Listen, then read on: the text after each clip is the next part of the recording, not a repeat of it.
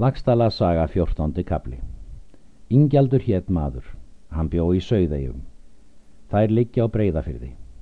Hann var kallað Sauðegjar goði. Hann var auðugur maður og mikill fyrir sér. Hallur hétt bróður hans. Hann var mikill maður og efnilegur. Hann var félítill maður. Engi var hann nýtjungur kallaðar af flestu mönnum. Ekki voru þeir bræður samþykir oftast þótti Ingjaldi Hallur lítt vilja sig semja í síð dugandi manna en Halli þótti Ingjaldur lítt vilja sitt ráðhefja til þroska. Veiðustöð liggur á breyðafyrð er bjarnýjar heita.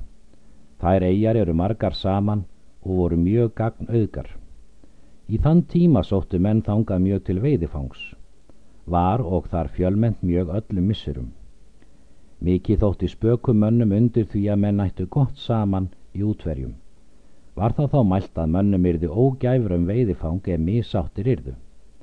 Gáu á flestir menna því góðan göym. Það er sagt eitthvað sumar að Hallur bróðir Ingjald Söðegar goða kom til Bjarni og ætlaði til fangs. Hann tók sér skipan með þeim mann er Þórólfur hétt.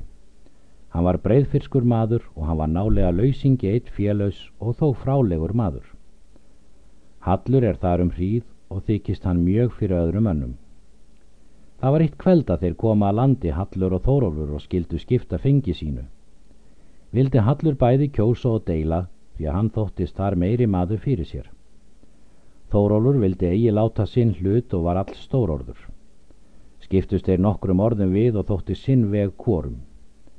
Þrýfur þó Hallur upp höggjárn, er lág hjá honum og vill færi höfu Þórólfi. Nú hlaupa menn í milli þeirra og stöðva Hall en hann var hinn óðasti og gatt þó engu á leið komið að því sinni og ekki var fengið þeirra skipt. Réðs nú Þórólfur á brottum kveldið en Hallur tók einnu fang það er þeir áttu báðir því að þá kendi að ríki smunar. Fær Hallur sér mann í stað Þóróls og skipið heldur nú til fangs sem áður. Þórólfur unir ítla við sinn hlut, þykist hann mjög svíverðu vera í þeirra skiptum Er hann þar þó í eigunum og hefur það að vísi í hugsér að rétta þennan krók, er honum var svo nöyðulega beigður. Hallur uggir ekki að sér og hugsar það að yngir menn muni þóra halda til japs við hann þar í átthaga hans. Það var eitt góðan viðurdaga Hallur í eri og voru þeir þrýr á skipi. Býtur vel á um daginn.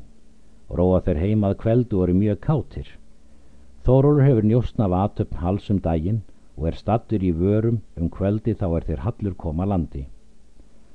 Hallur er í hálsi fram, hann hleypu fyrir borð og ætlar að taka við skipinu og er hann hleypur á land þá er Þórólfur þar nær stattur og höggur til hans þegar. Kom höggið á hálsin við herðarnar og fíkur af höfuðið.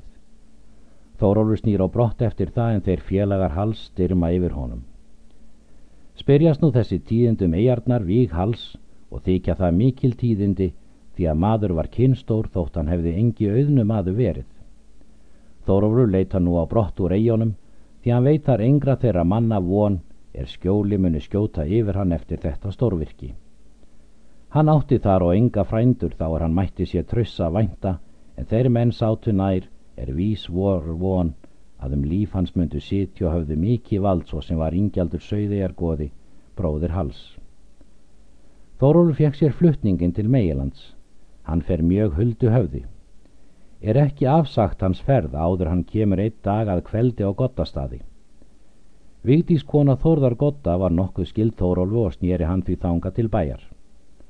Spurn hafði Þórólfur að því áður hversu þar var háttað að Vigdís var í meiri skörungur í skapi en Þórður bóndi hennar. Og þegar um kveldið er Þórólfur var þar komin gengur hann til fundar við Vigdísi og segir henni til sinna vandræða og byður hana ásjá. Vigdi svara á þá leið hans máli.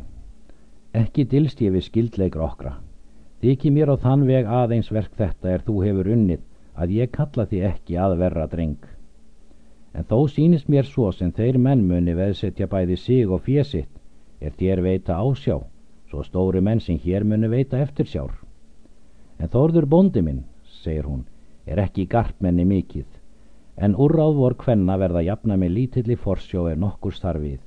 En þó nenni ég eigi með öllu að víkjast undan við þig, alls þú hefur þó hér til nokkur ásjá ætlað. Eftir það leiðir Vigdís hann í útibúr eitt og byður hann þar býða sín.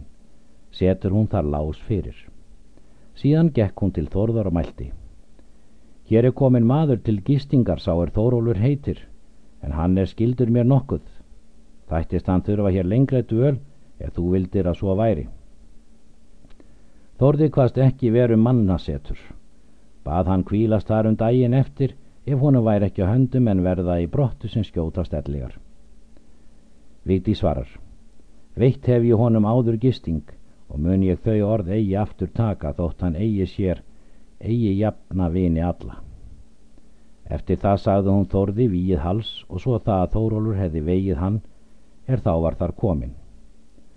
Þórður var styggur við þetta og hvaðst það vist vit að yngjaldur myndi mikið fjö taka af honum fyrir þessa björg er nú var veitt honum.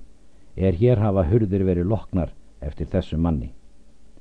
Vigdi svarar. Egi skal yngjaldur fjö taka af þér fyrir einnanætur björg því hann skal hér verið allan vetur. Þórður mælti. Þann veg mátti mér mest upptefla og að mót er það mínu skapa slíkur óhappamaður er sé hér en þó var Þórólur þar um veturinn. Þetta spurði Ingjaldur er eftir bróður sinn átt að mæla. Hann býr ferð síni í dali inn að áliðnu vetri, setti fram ferju er hann átti. Þeir voru tólf saman. Þeir sigla vestan útnýrðing kvassan og lenda í lagsárúsi um kveldið. Setji ferjuna en fara á gottastaði um kveldið og kom ekki óvart. Er þar teki vel við þeim.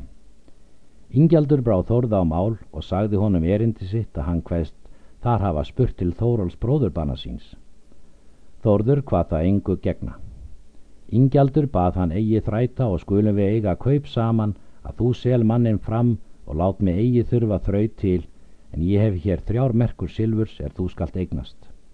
Uppmun ég og gefa þér sakir þær er þú hefur gert á hendur þér í björgun við Þórólf. Þórði þótti fjöð fagurt en var heitið uppgjöfum saki þær en hann hafði áður kvítt mest að hann myndi fjéskurð af fljóta. Þórðu mælti þá. Nú mun ég sveipa fyrir mönnum um tal okkart, en þetta mun þó verða kaup okkart.